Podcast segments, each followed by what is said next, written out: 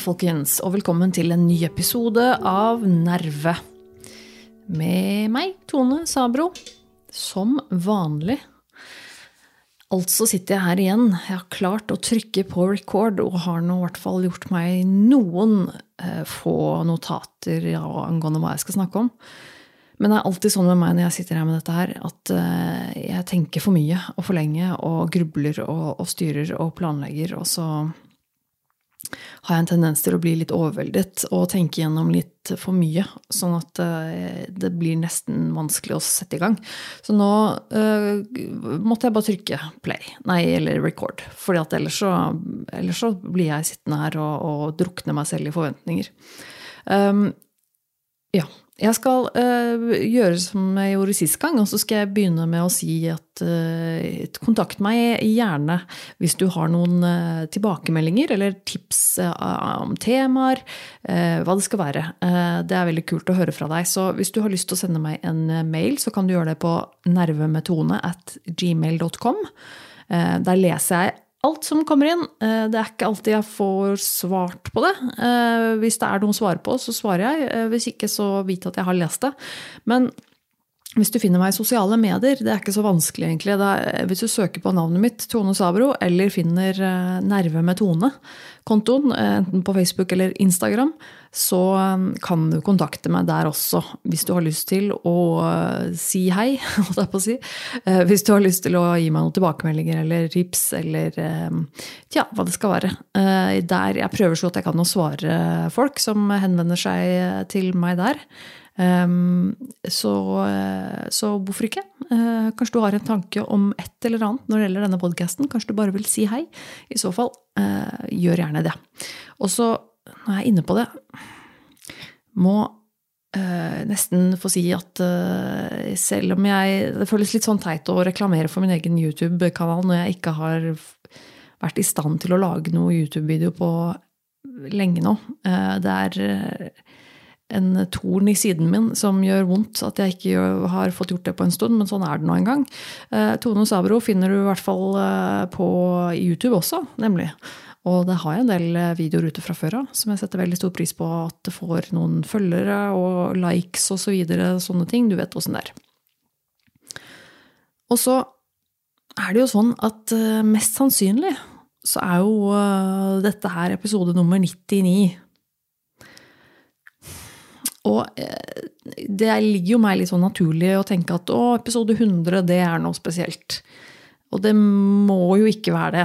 Eh, det vet jeg. Eh, mest sannsynlig så blir det ikke noe så veldig spesielt heller. Men hvis du mot formodning skulle hatt en idé om hva episode nummer 100 skulle vært, så vil jeg gjerne høre fra deg om det. Hvis jeg ikke hører noe fra noen, så antar jeg bare at det ikke er så viktig. og da kan det hende at, eh, at, det blir bare en helt random episode. Uh, nei, men, men, det kunne jo vært gøy, liksom. Og så gjøre noe annet. Episode 100. Jeg er litt usikker på hva det skulle vært, altså. Så vi, får jo se på det. Men uansett så tar jeg imot tips og forslag med takk. 100 episoder. Jeg syns det er nesten flaut at det bare er 100 episoder når jeg har holdt på så lenge med denne podkasten. Jeg har jo holdt på Det er jo Det er jo tre år siden, liksom. Jeg begynte med denne podkasten, og så har jeg bare laget 100 episoder. Eh, eller det er ikke helt riktig, for jeg har jo faktisk laget mer enn 100 episoder. Eh, sånn strengt tatt, fordi at jeg har hatt en del episoder som jeg har sagt at det er bonus, eller bloggcast, eller påskespesial, julespesial osv. Og så, videre. så jeg er faktisk litt usikker på akkurat hvor mange episoder jeg har laget, hvis jeg skal telle med alle. Men sånn helt offisielt sett så er det jo da nummer 100 som er neste. Um, så eh, jeg skal i hvert fall ikke gi meg på 99, for det hadde gjort vondt, kjenner jeg. Eh, har jeg kommet fram til 100, så skal jeg fader meg lage nummer 100 også. Men ja um, jeg har jeg, jeg har Jeg er fortsatt ganske Ja, hva skal man si? Jeg, jeg er fortsatt ganske langt nede i en ganske kjip dump. Og det har gått eh, egentlig, jeg tror jeg Altså siden jeg flyttet fra Oslo, så er det gått ganske eh, Ganske jevnt nedover med meg. Må jeg nok dessverre si. Og så får vi se hva som skjer etter hvert. Igjen, jeg har ikke noe godt svar på det nå, men jeg merker Jeg merker at jeg er på et punkt hvor um, hvor det, ikke er, hvor det ikke er så greit å være. Uh, og det er litt sånn også med tanke på Litt sånn med tanke på det jeg har jo nevnt i tidligere den podkasten med dette med uføretrygd og sånn. For nå er det jo sånn at jeg Eh, fortsatt er på arbeidsavklaring, men eh, skal søke om eh, å få vedtatt uføretrygd fra Nav. Fordi mine arbeidsevner er ganske dårlige. Det er vi blitt enige om nå. Så det slo meg litt, bare litt sånn Eller det gikk opp for meg litt etter litt, det der med at hvis jeg faktisk får innvilga den uføretrygden, som jo er i så fall bra, for det er, jo, det er, jo, det jeg vil, det er jo det jeg trenger å få. Men da har jeg jo um, Da har jeg plutselig ikke det der med jobb og sånn lenger, på en måte. Det blir liksom en sånn for det var liksom en av tankene mine da vi flyttet hit, at liksom jeg, jeg, må vel skaffe meg en eller annen jobb på et eller annet vis. Og, og, så er det på en måte noen ting som følger med litt automatisk når man har en jobb. Dette med man, man blir kjent med noen uh, på en arbeidsplass, og man får noen rutiner, og man får Altså det er en, en del ting som på en måte følger med. Um, og jeg ante jo ikke hva det skulle være, men jeg, jeg tenkte jo at jeg, at jeg, hadde ikke så mye valg. At jeg måtte egentlig bare finne meg en eller annen jobb. Men nå er det jo litt sånn ok, kanskje jeg faktisk ikke trenger det, som jo er en god ting, men samtidig så merker jeg jo at da um, Da er det enda et aspekt ved livet mitt som på en måte blir lagt på en hylle. Og det, selv om man går på, blir uføretrygdet, så, så, vil ikke det si at jeg aldri kan jobbe igjen. Um, tvert imot så håper jeg jo ikke det er tilfellet. Uh, men, men, det betyr jo i hvert fall at nå og i en periode fremover så ser utsiktene ikke så gode ut for å ha en type fast jobb. Og det er jo også en ting man på en måte må innse at det er jo et Det er det, det, er en, eh, det er et nederlag. Jeg føler deg litt sånn taper og sånn, holdt jeg på å si. Det, ikke, at er, ikke, at det er det, men, men, det føles jo litt sånn at du må på gi opp litt, gi opp litt på deg sjøl og sånn. Men, men også noe med at eh, da må jeg også skaffe noen andre måter å få de rutinene, de daglige rutinene og de, de måtene man blir kjent med andre folk og, og, og, rundt omkring sånn. Det som vanlige mennesker har i hverdagen sin via jobben, det får jo ikke jeg heller, da. Og det er jo helt åpenbart, selvfølgelig, men, men det er likevel noe som jeg egentlig kanskje ikke har reflektert så veldig mye over. Eh, og, og jeg kjenner jo at det allerede har vært et problem etter at jeg har flyttet hit, dette med at jeg rett og slett er ganske mye ensom. Og det er eh, ikke bra. Jeg har virkelig fått, eh, fått kjenne på eh, ensomhetens smerte, for å si det sånn. Eh, og det er Det er virkelig skadelig å være for mye ensom. Så jeg vet at eh, at det er ikke noe jeg kan, dette er ikke noe jeg kan holde på med i lengden. Så jeg må jeg må forandre noe. Jeg må gjøre noe. Jeg må um, Noe må skje. Men jeg vet ikke hva. Uh, det er en prosess, det òg. jeg må på en måte finne ut av hva jeg egentlig vil, og hvor jeg skal, og, og de tinga der. Uh, som jeg jo føler at det er eh, story of my life. At jeg aldri helt har visst. Uh, men nå er det på en måte så veldig tydelig. På et eller annet vis. Ja, nei, jeg vet ikke. Eh, det er ikke sikkert det eh, er noe som helst logikk i det jeg sier nå. Eh, kanskje du ikke skjønner noen ting, men Men, men ja, det er i hvert fall noen tanker rundt det. Um, en ting jeg har begynt med, som jeg har helt glemt å nevne i podkasten, det er meditasjon. Og da uh, og jeg kjenner at jeg blir litt sånn med en gang jeg nevner eh, at jeg har begynt å meditere, så, så kjenner jeg at jeg blir sånn vent, vent, la meg forklare. Ikke, nei, nei, nei, ikke tenk for langt nå. La meg forklare. Eh, for selv så merker jeg jo at jeg har en veldig sånn aversjon mot de tinga der. Og da mener jeg fordi at jeg selv assosierer veldig fort sånn meditasjon og namaste og yoga og alt det der. Da, da får jeg assosiasjoner til veldig sånn spirituelle folk og veldig sånn. Og det er typisk, da, for jeg er jo veganer også, i tillegg. Eh, så jeg har jo på en måte på et eller annet vis tatt et ganske tydelig eh, standpunkt liksom unna det der. At jeg, jeg vil ikke oppfattes som en av de derre hippie-veganerne som går rundt med, med, med hempklær og Eh, snakker om eh, ånder og, og, at alt er så spirituelt. Eh, og dette det, For det det, det det, det, klarer jeg rett og slett ikke. Det blir for mye for meg, altså. så jeg har jo på en måte tenkt på altså det, noe, og det er jo ikke noe galt i å være veganer, på en måte, selvfølgelig. Jeg er jo veganer selv. Men jeg har jo likevel et veldig sånn realistisk forhold til det å være veganer. Eh, jeg vet også at det er ikke noe som er en perfekt veganer. Og jeg selv er ikke en perfekt veganer. Jeg får i meg melkeprodukter iblant.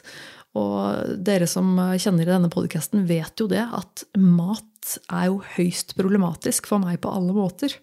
Så det er jo på ingen måte enkelt eh, og ukomplisert når det kommer til mat og meg.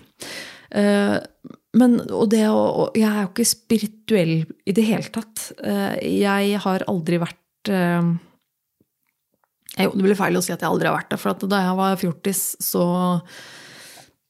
tror jeg at jeg ja, jeg, jeg, trodde, jeg, jeg, trodde jo på spøkelser og sånn overnaturlige ting en periode liksom, da jeg var veldig ung. da. Uh, og jeg tror nok kanskje at det var fordi at jeg veldig gjerne ville tro på det. For at jeg syns det var veldig Det var veldig spennende. Og det syns jeg jo fortsatt. Jeg er jo fortsatt sånn som elsker eh, liksom sånn eh, horrorfilmer og, og, og, den type ting av spill og filmer. Og jeg elsker jo den type sjanger. Jeg syns det er kjempespennende. Men jeg tror jo ikke på det. Det er jo ikke sånn at jeg tror at det fins spøkelser, eller at eh, Eller sånn. Jeg, jeg, gjør ikke det. Men eh, jeg tror heller ikke på engler og, og auraer og sånne eh, hippie-ting. Det gjør jeg ikke. Krystaller og alt mulig sånne ting. Jeg er jo en veldig fan av vitenskap og en vitenskapelig metode. Og tenker at det skal være, litt, det skal være evidensbasert for at jeg i det hele tatt skal orke og gidde å tro på det. Så Derfor tror jeg ikke på noe gud heller. Jeg er jo ikke, jeg er ikke kristen, jeg er ikke religiøs. Eh, det har jeg egentlig aldri vært heller. Um, og, og, det kunne meg egentlig ikke falle meg inn å, å, bli det. Jeg trenger å ha noen bevis på en gud før jeg begynner å tro på det. Uh, vi har ikke noe bevis på at det fins noen Gud. Så da, enkelt og greit, da henger jeg meg ikke så mye opp i det. Um, men uansett, eh, og jeg har jo hørt om meditasjon før. Det har vi vel alle. Vi har jo aldri blitt måtte, skjønt hva det er, eller ikke skjønt hva det er, men hørt om det. Og sett buddhistiske munker sitte og meditere, eller høre om disse yogafolka som driver med alt mulig slags eh, mindfulness og jeg vet ikke hva. Så jeg har liksom alltid hatt litt sånn derre Litt sånn aversjon mot det, bare for at Ja, for assosiasjonene. Og, men jeg husker jo at eh, og i hvert fall, Jeg vet ikke om det er det i like stor grad lenger, men for noen år siden så var det også en sånn, litt sånn greie innenfor psykologi, eh, eh si, psykologimiljøet, dette her med mindfulness. Eh, og dette, det var liksom en, en liten sånn fad som, som kom. At, at, dette var noe, noe, som var veldig bra. Eh, og jeg husker jo også at eh, at min første psykolog snakket litt om dette med mindfulness og, og sånne ting i, i forbindelse med, eh, med, behandling. Altså at det kan være et, et redskap å, å bruke for, for, for, å bli bedre. Altså eh, for, meg, da, som på en måte sliter med, med psykiske plager og, og, den type ting, at det kunne være et, et verktøy. Jeg husker at jeg husker at han snakket om eh, liksom, mindfulness og, og, og, meditasjon, på en måte. Og jeg, eh, jeg trodde jeg, jeg, trodde nok jeg skjønte hva han mente. Og jeg, jeg tror jeg, jeg, prøvde vel egentlig å begynne med meditering også, med en eller annen app eh, på mobilen. Jeg tror jeg brukte den appen som het Headspace, tror jeg det var jeg brukte. Uh, hvor jeg da helt som en noob tenkte at ok, men jeg skal gi det en sjanse. Det kan jo hende at dette er noe som det ligger noe i. Uh, så jeg satte meg med denne appen og prøvde å legge inn en rutine på det. Uh, og jeg merka da at dette liker jeg ikke. Fordi jeg fant jo med en gang det at å sitte i stillhet eh, med mine egne tanker ble veldig ubehagelig. Og at jeg hadde en tendens til å bare føle meg enda verre.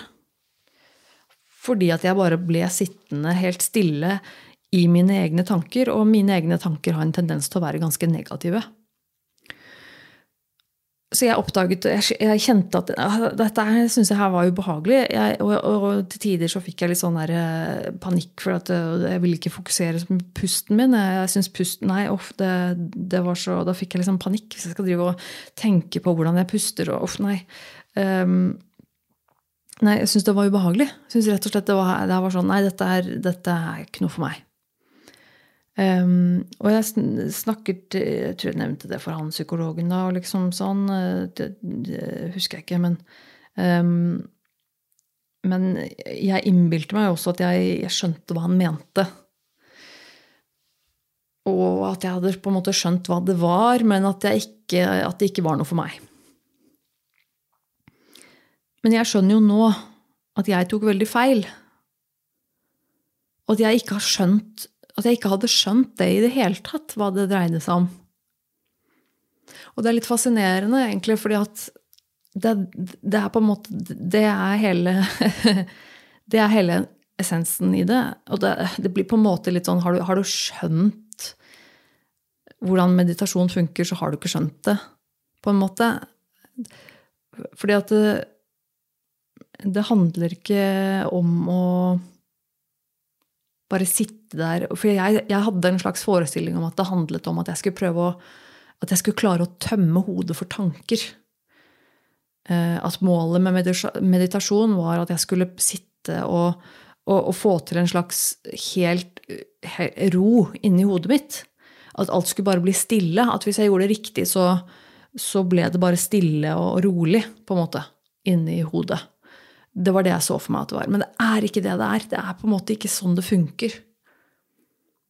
Um, og jo, det kan godt hende at man har det av og til. Noen som på en måte er drevet i å meditere, at, at man får en stillhet For all del. Um, men, men da, da, hadde jeg, jeg hadde misforstått. Og det, det, som, det, som, skjedde, da, var jo at jeg begynte å gå til psykolog her i Vennesla hos min psykolog som jeg nå fortsatt går hos, som dessverre er på sommerferie. Jeg savner han veldig. Øh. Men uh, han nevnte det for meg uh, for uh, en liten tid tilbake. En måned eller noe sånt. Så nevnte han det for meg. og Han lurte på om jeg hadde drevet med meditasjon eller noe sånt. Noe, hva slags erfaring jeg hadde med det. Og så fortalte jeg ham det jeg nettopp fortalte deg, basically. Og så spurte han hvilken app jeg hadde brukt, og litt sånn, og, og han spurte om, om, jeg var villig til å prøve det igjen. Fordi han sa at jeg tror at hvis, hvis du er villig til å prøve det, hvis du er villig til å legge inn den tiden og, og, og på en måte viljen som trengs for å øve på det, så tror jeg at det kan være veldig nyttig for deg. Jeg tenker at ok uh, jeg, jeg, I utgangspunktet tenkte jeg bare nei, det, ikke, det, gjør det ikke. Det er ikke noe for meg. Jeg har jo prøvd, jeg gidder ikke det, liksom. Men, men ok. Han, men han var litt sånn Hvilken app brukte du? Jeg sa eller Headspace eller et eller annet. Og så sier han at ok, men, men jeg har en, eh, en, app som jeg vil at du skal bruke. Uh, og da nevnte han Sam Harris sin app som heter Waking Up. Og jeg vet jo veldig godt hvem Sam Harris er, så jeg måtte jo le litt med en gang han sa det. at uh, En fyr som heter Sam Harris Og ja, Sam Harris, ja, selvfølgelig. Um, og jeg kjenner jo til Sam Harris. Det er sikkert mange der ute som gjør også. Han er jo veldig, veldig kjent. Eh, filosof og eh, nevrobiolog, faktisk. Eh, har veldig mye gode, smarte tanker. Jeg er stort sett ganske fan av mye av det han eh, gjør og lager. Jeg har jo hørt en del på podkasten hans eh, også. Han har jo en podkast som heter Blander alltid. Den heter ikke Waking Up, den heter eh, Making Sense med Sam Harris. Og jeg hadde ikke testet den Waking Up-appen, altså den der appen som han har laget som handler om meditasjon og de tingene der. Den hadde jeg ikke testa. Jeg har hørt om den fordi jeg hadde hørt han snakke om den i appen. Nei, unnskyld, jeg har hørt han snakke om den i podkasten sin. Men det har aldri egentlig falt meg inn å prøve det. Men nå sier han psykologen min at men den er bra. Eh, du skal få en prøveperiode av meg. Jeg sender deg eh, en link her nå. Eh, og der inne i Waking Up-appen, registrer deg der, og så får du Der ligger det et introduksjonskurs. Og han sa at ok, men kanskje, hvis du er villig til å prøve det, bare, bare gjennomfør introduksjonskurset. Og bare, bare se hvordan det er. Bare prøv det. Og det gjorde jeg. Og jeg må si at det åpnet øynene mine litt, eller egentlig veldig, eh, for hva det egentlig dreier seg om. Um, og jeg tror jeg trengte Sam Harris for å på en måte forklare meg litt uh, hva det egentlig er du driver med, og hva som er målet med meditasjon. Og det fikk meg også til å skjønne hvorfor jeg eventuelt uh, kan ha utbytte av å få det til. Hvis jeg legger inn den tiden og, og, og treningen, så, kan, så, så, skjønner jeg Jeg skjønner hvordan det kan være en god ting å få til. Det er jo, eh, som Sam Harris også gjør, eh, på et tidspunkt sammenligner det litt med det å trene kroppen. Men dette er jo å trene hjernen. Um, at det er noe hvem som helst kan gjøre, og nesten egentlig bør gjøre, og hvem som helst kan også ta fordeler av det. Og jeg skjønner det. Jeg, jeg skjønner hvorfor han mener det. Når jeg nå har tatt jeg, Jeg, ikke, jeg er ikke ferdig med det der, eh, det der, introduksjonskurset. Det er jo mange dager eh, på Det er jo på en måte du, en, en dag av gangen. Man tar deg på et lite ti minutter eller noe sånt daglig. Hvor han da guider deg gjennom denne meditasjonen. og Eh, og snakker om hva det er for noe. Og Sam Harris er eh, veldig dyktig, veldig flink. Og eh, det var litt som Det var litt, litt sånn lættis at den heter Waking Up, fordi jeg merka at jeg ble litt sånn Det var en slags oppvåkning, for at jeg ble litt sånn Oi, dette her Men dette skjønner jeg jo, på en måte. Nå skjønner jeg jo hvorfor dette her kan være bra. Uh, og, og, jeg kjente at jeg fikk litt lyst til å få alle jeg kjenner, til å begynne med det. det var litt sånn, jeg, jeg fikk egentlig lyst til å si til samboeren min at kan ikke vi gjøre dette sammen? Kan ikke vi ha ti minutter sammen hver dag hvor vi sitter og gjør dette her? Uh, for uh, jeg kjente liksom at dette her er jo um, Dette her har jeg lyst til å mestre. Og det så, så jeg, skjønner, jeg skjønner plutselig veldig godt på en måte hva hva det egentlig er snakk om, eller hvorfor, hvorfor det, meditasjon kan være bra. Men jeg tror også det er veldig mange som er som det jeg var, som, som misforsto litt hva meditasjon uh, egentlig på en måte er. Uh, og det er fortsatt egentlig det inntrykket jeg sitter med nå, når jeg ser på en måte at andre folk kanskje refererer til det, eller, eller uh, jeg snakker om det, så, så, tenker jeg sånn Ok, men jeg lurer på hva slags jeg lurer på hva de definerer som meditasjon. Jeg lurer på hvordan andre folk gjør det. Har, altså, eh, for jeg, som sagt, hvis jeg, hadde, hvis jeg hadde fortsatt med hvis jeg hadde fortsatt med det den første gangen jeg prøvde det, med den andre appen, og, og, og fortsatt med det likevel, på en måte, så ja, kanskje jeg hadde skjønt det etter hvert. Det vet man jo aldri, selvfølgelig. Men jeg tror jeg hadde hatt et helt sånn eh, feil inntrykk av hva det var jeg egentlig dreiv med. Eh, og det Ja. Nei, det er litt interessant nå, for nå har jeg på en måte snudd litt på det. Og som du nå sikkert helt garantert har skjønt, så er ikke jeg noe jeg er ikke noen spirituell person. Jeg er ikke sånn som sitter og, og, og øh, tror på energier og auraer og liksom og ditt og datt og sånn. Og det er ikke det det handler om heller. Um, og det er det jeg liker veldig godt med Sam Harris også, uh, 'Waking Up', er at uh, han har et veldig vitenskapelig En veldig vitenskapelig tilnærming til meditasjon, til hjernen, til um, til hva det egentlig handler om, og hva det kan gjøre. Og det, jeg tror det var det jeg trengte. Jeg trengte at det ikke var noe sånn der hokus pokus, hubba bubba, uh, tull rundt det. Jeg, jeg, måtte ha det litt sånn scientific. At liksom Jo, men sånn er det. Sånn er liksom Dette gjør vi med hjernen. Og egentlig så vil jeg beskrive det den meditasjonen er, er egentlig bare Det er bare meta. Uh, det er egentlig bare det det dreier seg om. Det er bare meta. Og, og, og altså Ta et steg opp, ut, bort. Uh, bare på en ny måte, på et vis. Eller på, på, en måte som er veldig god for alle, tror jeg. Um, og det var interessant for meg, og jeg merka at jeg um, Jeg merker nå at jeg sliter fortsatt med å huske å gjøre det hver dag. Selv om det fins i den appen så finnes det sånne reminders og sånne ting. Det får jeg, men eh, akkurat når jeg får den, så passer det aldri. Og så glemmer jeg det med en gang. Men jeg, men jeg, så jeg merker at dette er fortsatt eh, Den jobben med å få det inn som en rutine, den jobber jeg fortsatt med. Jeg husker ikke å gjøre det hver dag. Men jeg merker nå at jeg, eh, jeg ser på det med positive øyne. på en måte. Det er, det er ikke en sånn ork. Det er ikke en sånn åh, må jeg... Øh, kjedelig. Eller Nei, det er litt sånn Å ja, ja, men jeg liker det egentlig. Det er egentlig en ålreit ting å gjøre. Uh, og det, det syns jeg er bra. Jeg er litt sånn Ja, jeg er rett og slett litt positivt overrasket. Så jeg vil egentlig Jeg vil egentlig anbefale alle det som er litt interessert i å bedre deg selv rett og slett trene hjernen litt på å få et bedre annet perspektiv. At man prøver det. Eh, og sjekke ut Waking Up-appen. Eh, og, og prøv det introduksjonskurset til Sam Harris, for det er faktisk veldig bra. Um, og, og, det jeg også liker veldig godt med akkurat den, uh, som jeg selv også har erfart nå, det er at uh, for jeg husker Sam Harris også har nevnt dette i podkasten sin flere ganger, at Waking Up-appen den er jo egentlig, den koster penger.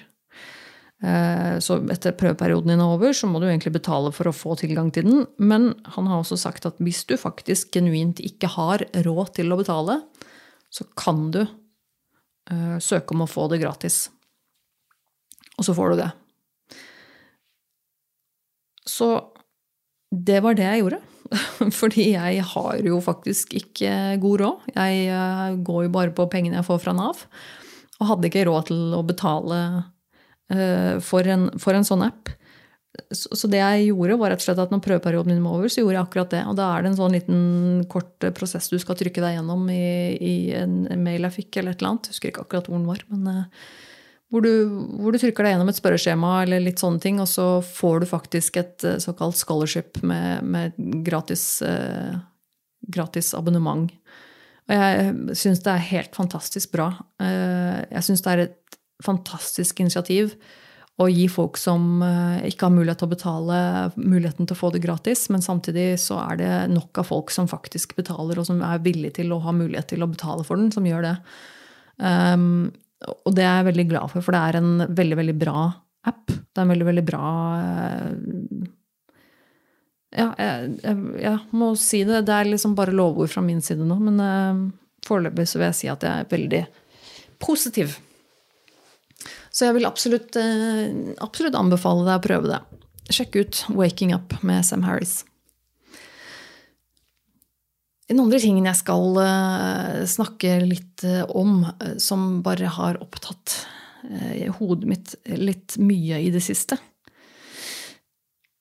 det er rett og slett Baneheia.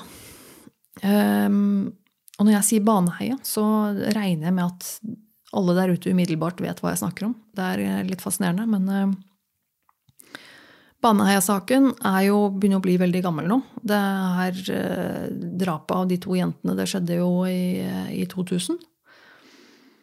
Og den Baneheia-saken har jo vært eh, Selvfølgelig da det skjedde, og rett etterpå så var det jo mye prat om den, men også nå i nyere tid av at dette at eh, dette med, med, med, saken til, mot Viggo Kristiansen er blitt uh, tatt opp til gjenopptakelse og osv. Og, så og at det er rett og slett et mulig justismord vi står overfor her. Eh, og det Denne saken har som sagt, den har opptatt meg egentlig veldig lenge. Jeg husker så vidt da det skjedde. Jeg var jo ikke så gammel da, men jeg kan, jeg kan huske um, at jeg ble fortalt om den, eller at jeg fikk med meg den saken da det skjedde. Og at jeg ble veldig rystet av den.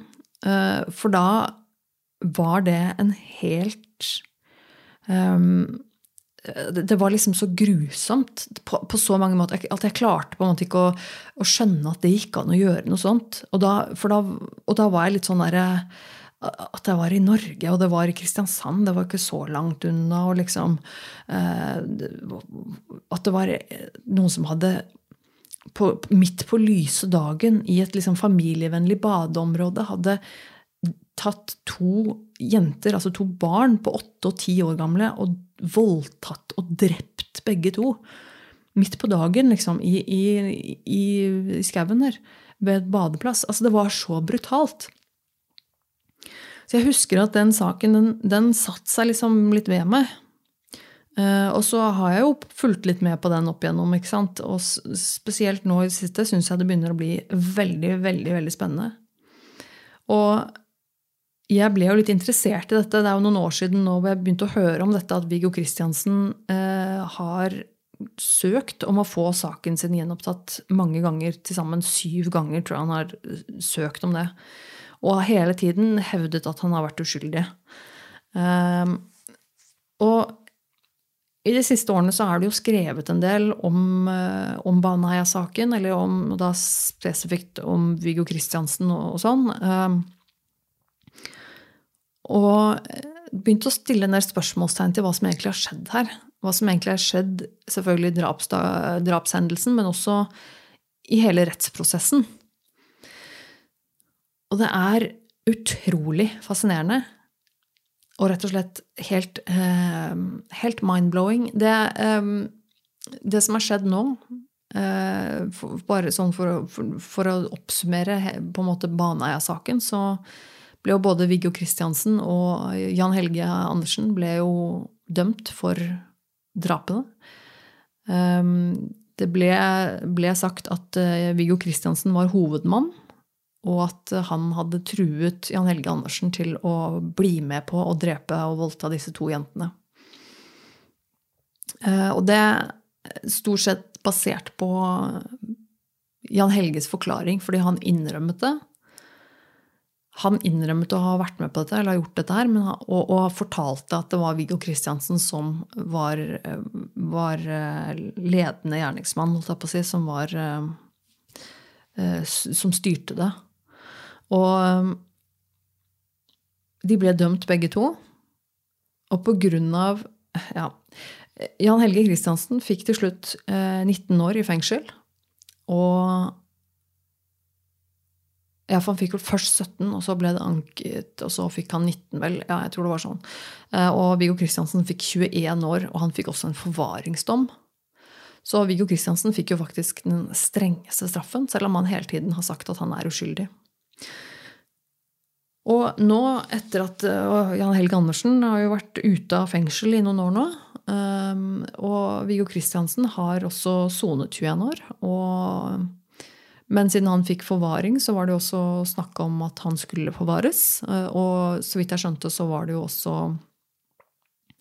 ønske om å forlenge eh, straffen hans. Ehm, men av at han har, søkt, han har søkt gjenopptakelse, hevdet at han er uskyldig. Gjenopptakelseskommisjonen har sagt nei seks ganger opp gjennom åra hvor han har søkt. Så har de sagt seks, seks ganger har de sagt nei, og den sjuende gangen, og så fikk han faktisk ja.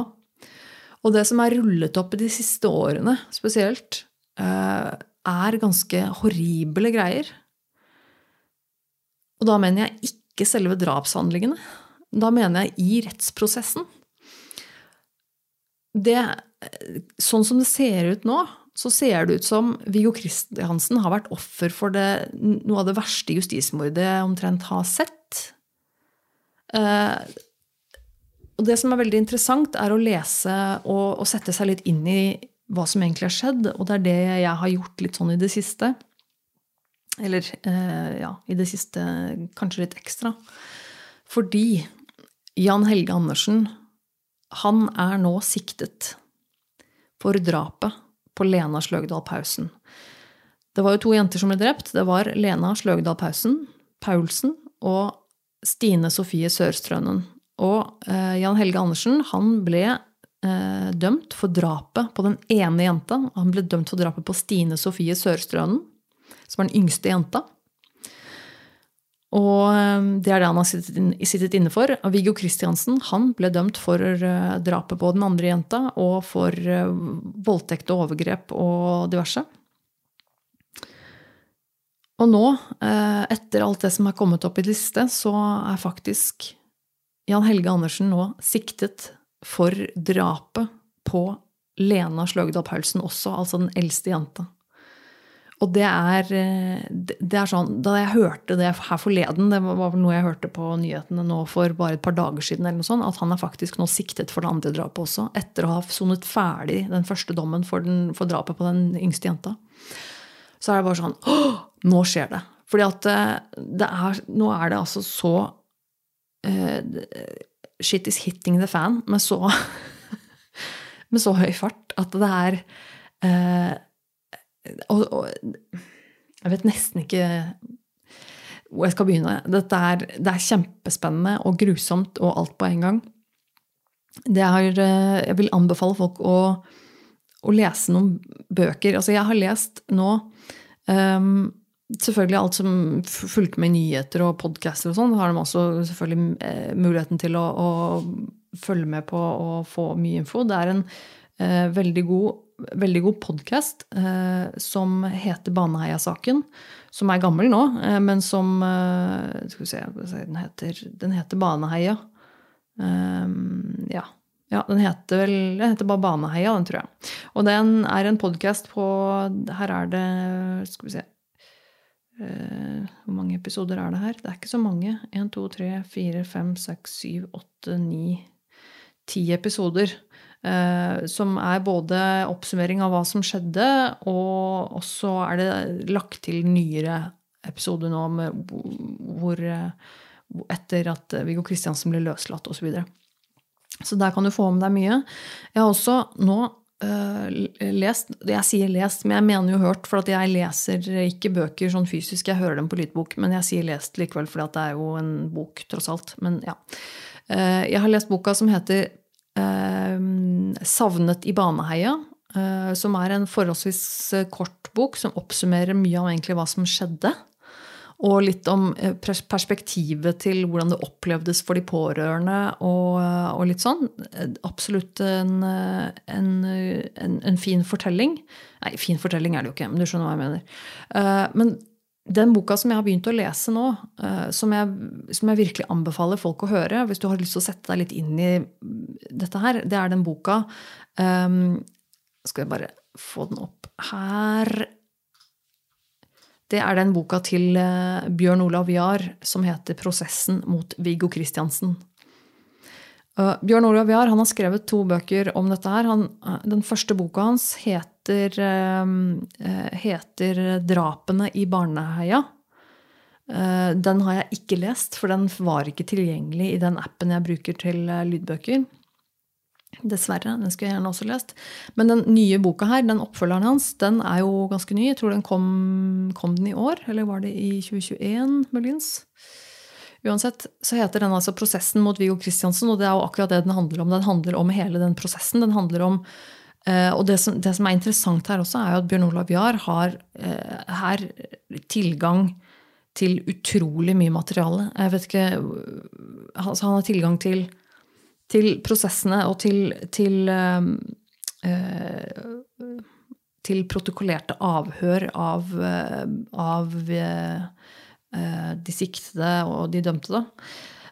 Og det er ganske skummelt og skremmende å, å sitte nå og høre igjennom alt, alt det, hvordan, hvor dårlig den etterforskningen har vært, og hvor utrolig store skylapper politiet og media har hatt. Og det er Det er helt åpenbart.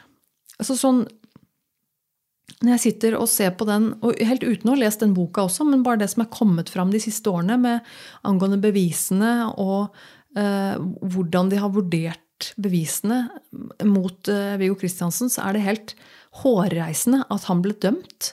For det grunnlaget han er dømt på, er helt Det er jo en sky. Det er jo bare tull. Uh, det, det, største altså Når du sitter igjen nå så på en måte virkelig stikker hull i, i, i uh, forklaringene her og sjekker ut hva som faktisk ligger til grunn for, for, dommene her, så er jo det eneste de egentlig har på Viggo Kristiansen, er at kompisen hans Jan Helge Andersen sier at han har gjort det. Det er egentlig det eneste. For de har beviser som, som tilsier noe annet. Men de har de på et eller annet vis klart å da ro seg bort ifra. Og det de sitter igjen med, er egentlig bare at jo, men Jan Helge Andersen sier at han gjorde det. Jan Helge Andersen han innrømmet at han var med på det, og så sa han at eh, Viggo Kristiansen var hovedmann. Og så har de faen meg tatt ham på ordet. Og så har de bare eh, hatt verdens største skylapper og gått i alle de verste bekreftelsesfellene og rett og slett bare formet det rundt at de trodde på at Viggo Kristiansen var gjerningsmannen. Og det er, eh, det er ganske horribelt. Og det å, det å, se at dette var noe som Dette er jo riktignok ganske lenge siden nå. Men det å se at dette her skjedde i Norge, med en så alvorlig sak Eh, hvor du på en måte sitter nå med, med all, alle, alle, hele saken i, i, hendene foran deg. Og på en måte, dette er helt åpenlyst. Dette er helt åpenlyst. At de hadde jo ingen grunn. Ingen, ingen god grunn. Ingen gode beviser for å, for å dømme Viggo Kristiansen for dette her. Dette er jo helt, helt hårreisende. Og om du tror at Viggo Kristiansen er skyldig eller ikke, er for så vidt irrelevant. Fordi at det skal komme han til gode. Så lenge de ikke har beviset på han, så skal det komme han til gode. Og det har de ikke gjort i denne saken her. Og det er ganske hårreisende. Rett og slett ganske hårreisende. Eh, personlig så tror jeg ikke han har gjort det. Når jeg hører om historien og går inn i detaljene om både forklaringer og, og beviser og Så tror jeg at eh, Viggo Kristiansen er uskyldig. Men det er uansett ingen tvil i mitt hode om at han aldri skulle vært dømt. Eh, de har aldri hatt gode nok beviser for å dømme ham. Eh, og ja, i tillegg så tror jeg personlig, min egen personlige oppfatning er at han er uskyldig i denne saken. Um, jeg skal Skal vi se skal, uh, Og den, den, boka til Bjørn Olav Jahr, den uh, den er bra, og den, den, er veldig detaljert. Uh, og tar for seg alt. Altså, er det noe du lurer på, så får du svar, det, svar på det i den boka. En, en Hva heter det? En tekst, en review, en anmeldelse om boka da den kom. Jeg skal bare lese den litt sånn kjapt, for den, den er ganske god. Prosessen mot Vigga Kristiansen, 526 sider. Pitch forlag. Opplysningene om at nye DNA-funn knytter Jan Helge Andersen til seksuelle overgrep også mot ti år gamle Lena Sløgedal Paulsen, øker sannsynligheten for at Viggo Kristiansen vil bli frifunnet for de to barnedrapene i Baneheia i Kristiansand i mai 2000. I så fall står vi overfor en av norsk rettshistories største skandaler. Kristiansen ble sluppet ut av fengselet 1.6 i år, eh, etter å ha sonet 21 år uten noen gang å ha innrømmet skyld. Den som vil forstå det dramaet som nå utspiller seg, kan knapt finne noe bedre grunnlag enn Bjørn Olav Jahrs nye bok om hva Viggo Kristiansen har gjennomlevd. Jan Jahr er tidligere Scoop-prisvinner. Han har skrevet en bok om drapet på Birgitte Tengs, der han utpekte den mannen som nå er siktet for det drapet. Og han har skrevet en tidligere bok om Baneheia-drapene, som møtte mye motbør, men ikke noe som, innhold, eh, som svekket den innhold og tyngde. Det er ingenting lettvint med det Jahr foretar seg. Han legger ikke skjul på at han har bestemt seg. Allerede i innledningen markerer han at han mener at Jan Helge Andersen var alene om drapene og voldtektene, og etterpå la så mye skyld på bestekameraten at han selv slapp lettere unna. Boken er altså et anklageskrift, men en særdeles velbegrunnet sådan. Gjennom en nitid, til tider nesten pedantisk gjennomgang av den enorme mengden dokumenter i saken, tegner Jahr et dypt urovekkende bilde av svikt på mange plan.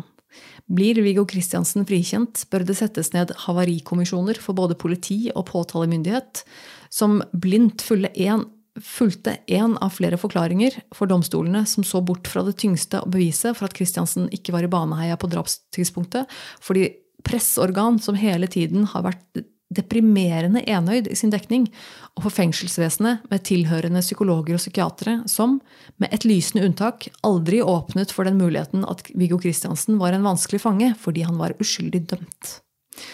Boken viser også, nok en gang, hvor mye rettssikkerheten i Norge skylder advokat Arvid Sjødin, som i Birgitte-saken har han jobbet utrettelig år etter år, stort sett uten betaling, for at gjennomsakelseskommisjonen skulle gi Viggo Kristiansen en ny sjanse for å bevise sin eventuelle uskyld. Han har hatt hjelp av utrettelige støttespillere, og han arbeidet videre på et grunnlag som advokat Sigurd Klomsæt la. Men hvis også Viggo Kristiansen blir renvasket, bør det norske samfunn gi Arvid Sjødin en anerkjennelse han fortjener. I prosessen mot Viggo Kristiansen følger Bjørn Olav Jahr flere spor. Han viser hvordan retten la avgjørende vekt på Jan Helge Andersens forklaring, til tross for at den var full av åpenbare feil og selvmotsigelser. Hvordan retten feiltolket svært utydelige DNA-funn.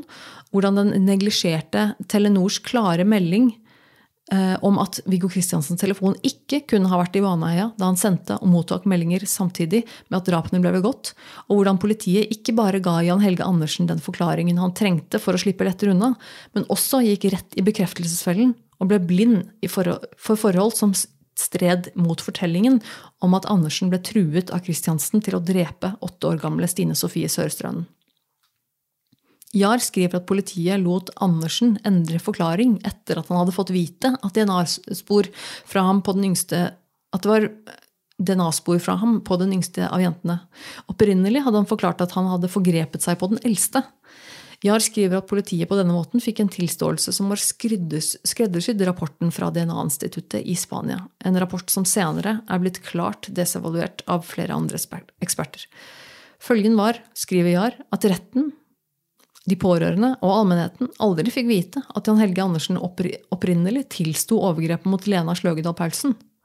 Det er på henne det nå er funnet DNA-spor som knytter Andersen til seksuelle handlinger, ifølge VG og TV 2. Noen hevder at det er en seier for rettsstaten at Gjenopptakelseskommisjonen endelig, etter mange avslag og ekstremt lang saksbehandling, til slutt landet på at Viggo Kristiansen skal få sin sak gjenopptatt. Bjørn Olav Jahrs bok er et ganske tungt argument for at Baneheia-saken, i tillegg til den ufattelige smerten da han påførte de pårørende, først og fremst er et enormt nederlag for rettsstaten.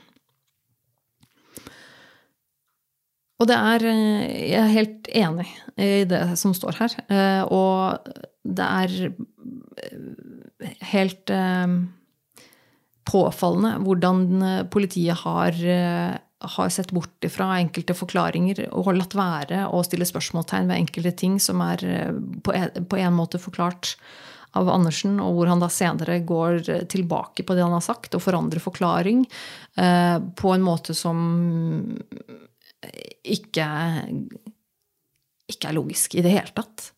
Eh, og det, er, det skal som nevnt også her at Jar er jo også partisk i denne boka. Han, han tror jo åpenbart på at uh, Miggo Kristiansen er uskyldig dømt, men um, det tror jeg nesten ikke man kan være uenig i hvis man setter seg inn i denne saken her.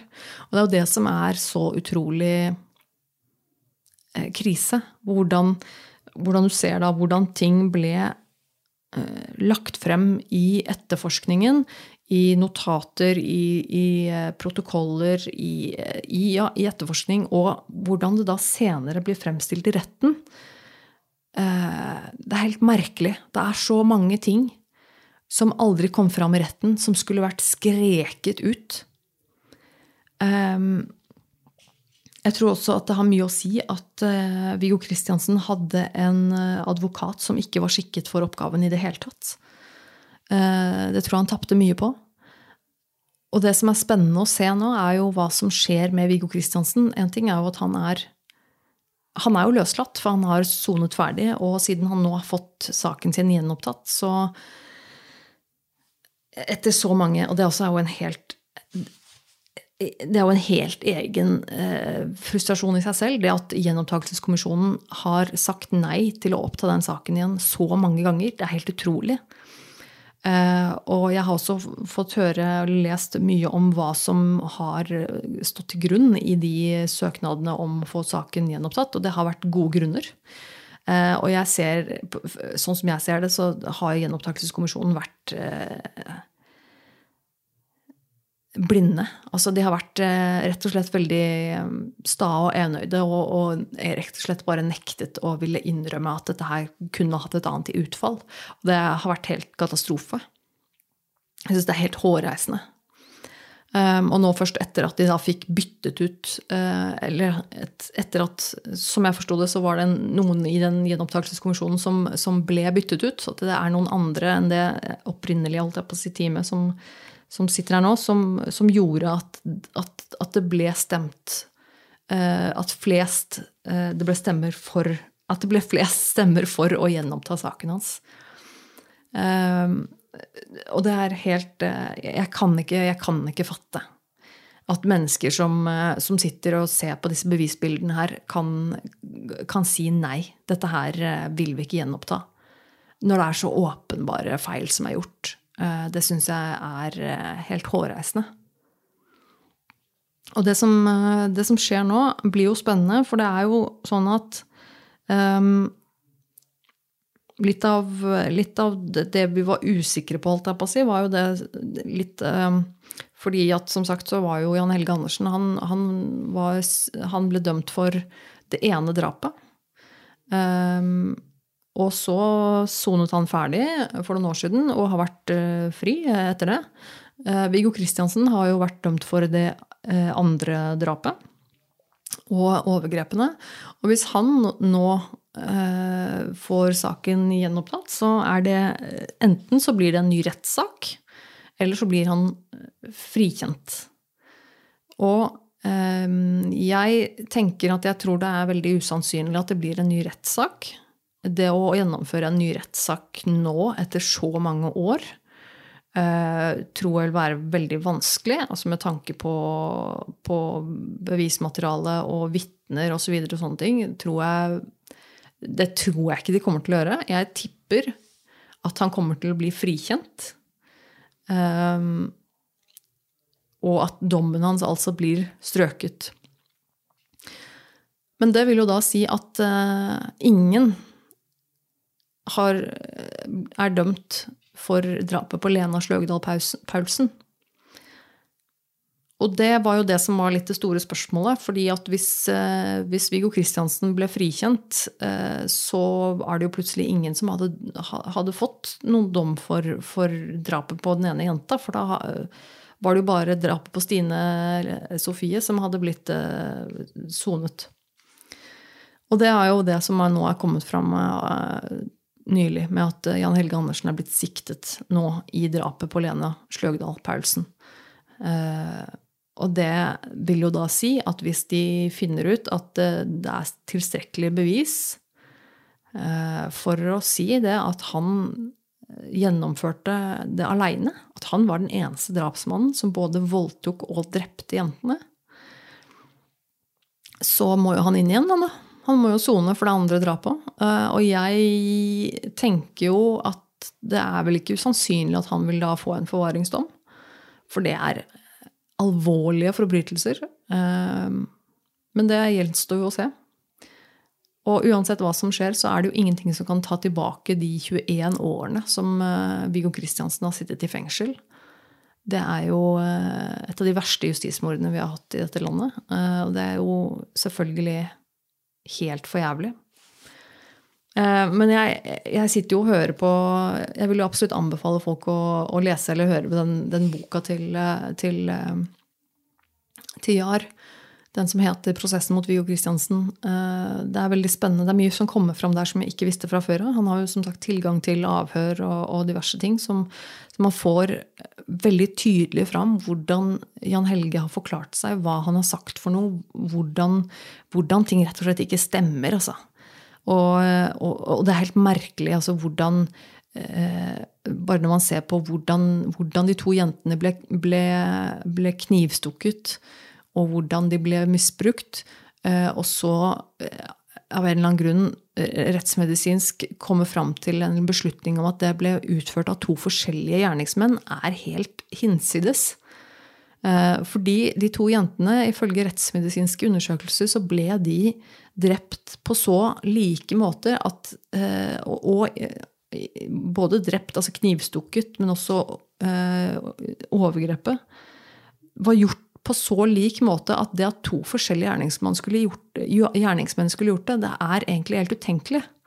Um, og bare sånne småting som det er det jo gjennom hele, hele saken.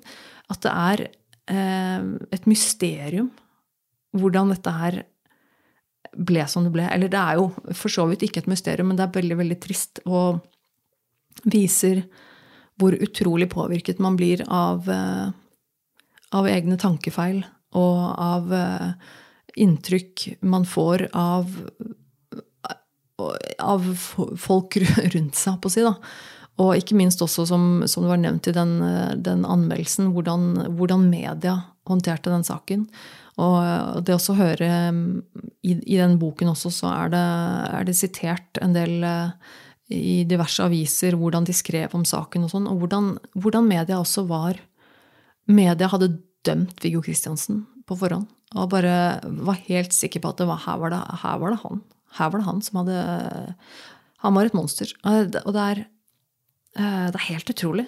Helt utrolig og, og, ganske grusomt å høre på. Og når du da ser for deg at dette her er en fyr som, som mest sannsynlig eh, ikke har gjort det, eller som i hvert fall ikke har fortjent å bli dømt for det, han ble sittende midt oppi det her og ble sittende i fengsel i 21 år. Og i løpet av de 21 årene var det heller ingen som, som ville ta saken eller høre på det han hadde å si. Og han hele tiden har sagt at 'nei, jeg er uskyldig. Jeg har ikke gjort dette her'. Spiller ingen rolle. Og ingen som ville høre på det. Gjenopptakelseskommisjonen? Nei, ville ikke høre på det. Um, det er ganske hårreisende. Og, men, men, det er veldig interessant uh, for min del også å høre, høre, så mange detaljer om den saken. Og, um, og høre mye om ja, rett og slett hvordan, hvordan, ting skjedde, og hva som ble forklart. Og hvordan disse guttene ble så misforstått. Og da spesielt tenker jeg Viggo Kristiansen også, at hvordan hans oppførsel ble tolket av av media i denne prosessen her, i rettssaken og sånn. Eh, og det er ganske, ganske fascinerende, og jeg mener at det er rett og slett mye å lære av denne saken her. Og jeg, jeg håper og tror at, at vi og Kristiansen blir frikjent for dette her, og at, at, det, er, at det gjøres en grundig gjennomgang eh, av noen kommisjoner etterpå. For det er rett og slett ganske hårreisende. Men ja, det var eh, Jeg skal, skal, ikke Jeg vet ikke hvor interessant dette her var å høre på, men, eh, men det er det som går gjennom hodet mitt nå. Eh, jeg Jeg var jo det, Jeg glemte jo å si det jeg skulle begynne med å si. Men jeg var, jeg var i Baneheia. Nå bor jeg i Vennesla. Som er en liten 20 minutters kjøretur rett nord for, for Kristiansand. Og det er jo ganske fascinerende, dette her med Baneheia. Eh, som sagt så har jo dette her vært en sak som jeg har fulgt mye med på. Og det å nå bo så nærme, så har jeg på en måte tenkt at jeg må jo dra dit. Uh, og det høres kanskje veldig sånn morbid og rart ut, men, men, for meg så var det helt sånn jeg hadde veldig lyst til å dra dit og, og se. Og liksom Og det, det var litt sånn uh, rar, uh, surrealistisk opplevelse egentlig også. Å komme dit og kjenne meg igjen fra alle bildene og kartet og, og, det de har forklart så mye og mange ganger. og eh, Baneheia og første, andre og tredje stampe og Svartkjønn og bommen der Viggo Kristiansen skal ha satt igjen sykkelen sin og alt dette her. Hvor jeg da på en måte Det er her det er. Det er her det er. Jeg kjenner det igjen. Eh, det, det, var litt surrealistisk. Og vi tok også og sjekket ut kartet og gikk på en måte rundt der hvor, der hvor, jentene pleide å bade. Og vi gikk ruta der hvor de mest sannsynlig gikk, og gikk forbi også åstedet der hvor de, der hvor de ble drept. Nå tråkka ikke vi ut i skogen og på en måte til det nøyaktige stedet. Nå gikk jo vi bare ved stiene der som på en måte var i nærheten. Men, men det, sånn, det, var ganske sterkt, egentlig. Veldig øh, ja, merkelig også fordi vi var jo der nå på sommeren, midt på lyse dagen, og det var fint vær, og folk badet. Og så er det jo helt, helt absurd da, å tenke på at det var akkurat en, en, sånn type dag i mai, hvor disse to helt uskyldige små jentene da hadde gått for å bade. Og dette her var på, på kvelden. Tidlig kveld, rundt eh, seks-sju-tiden eller noe sånt. Jeg husker ikke akkurat, men eh, det var vel rundt sju-tiden. Fortsatt lyst. Og det er varmt. De har vært og badet. Og så skjer dette. Hvor de blir lokket opp i skogen. Brutalt voldtatt og drept. Midt, på, midt i dette området, som er også et av de mest vakre, idylliske områdene jeg tror jeg har sett. på en måte. Det er utrolig vakkert i Baneheia. Jeg skjønner veldig godt hvorfor folk ønsker å, å bruke det jevnlig og gå turer og jogging og bading. Og det er så fint der. Utrolig sørlandsidyll. Uh, ja, det er uh, utrolig uh, merkelig. Um, Altså det var, jeg må bare si det at det, det, var, det var, en, det var en sånn fin opplevelse, selv om det var litt sånn vondt. på en måte. Ja.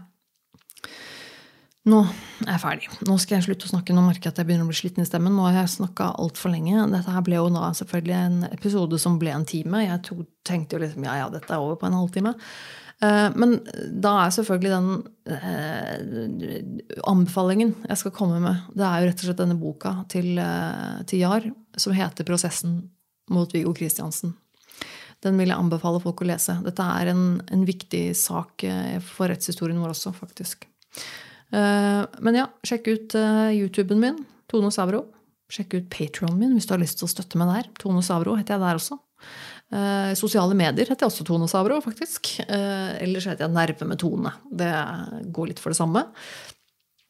Ehm, men jeg setter veldig stor pris på å høre fra dere, eh, og at dere hører på podkasten og følger med og sånn. Jeg syns det er utrolig kult. Ehm, rett og slett. Og igjen, hvis du har noen tips, noen tips, noen tips til uh, nummer 100, så kom gjerne med det. Uh, ellers så har jeg også en annen podkast sammen med min samboer som heter Virkelig grusomt. som du kan sjekke ut hvis du er interessert i litt sånn crime og ja, sånne hendelser som er litt grusomme. Um, ja. Nei, jeg avslutter der, jeg, folkens. Uh, så um, det ble som det ble. Det ble rett og slett en sånn type episode. Og så får, vi, får jeg håpe at du hører på igjen neste gang, når enn det blir. Uh, det blir jo da mest sannsynlig episode nummer 100. Så håper jeg du har en fin sommer der ute. Uansett hva du driver med, om du jobber eller har ferie. Så kanskje vi snakkes. Ha det.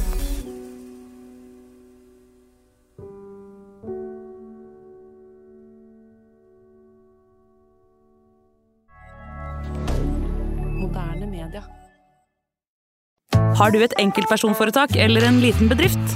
Da er du sikkert lei av å høre meg snakke om hvor enkelt det er med kvitteringer og bilag i fiken, så vi eh, gir oss her, vi. Fordi vi liker enkelt. Fiken superenkelt regnskap.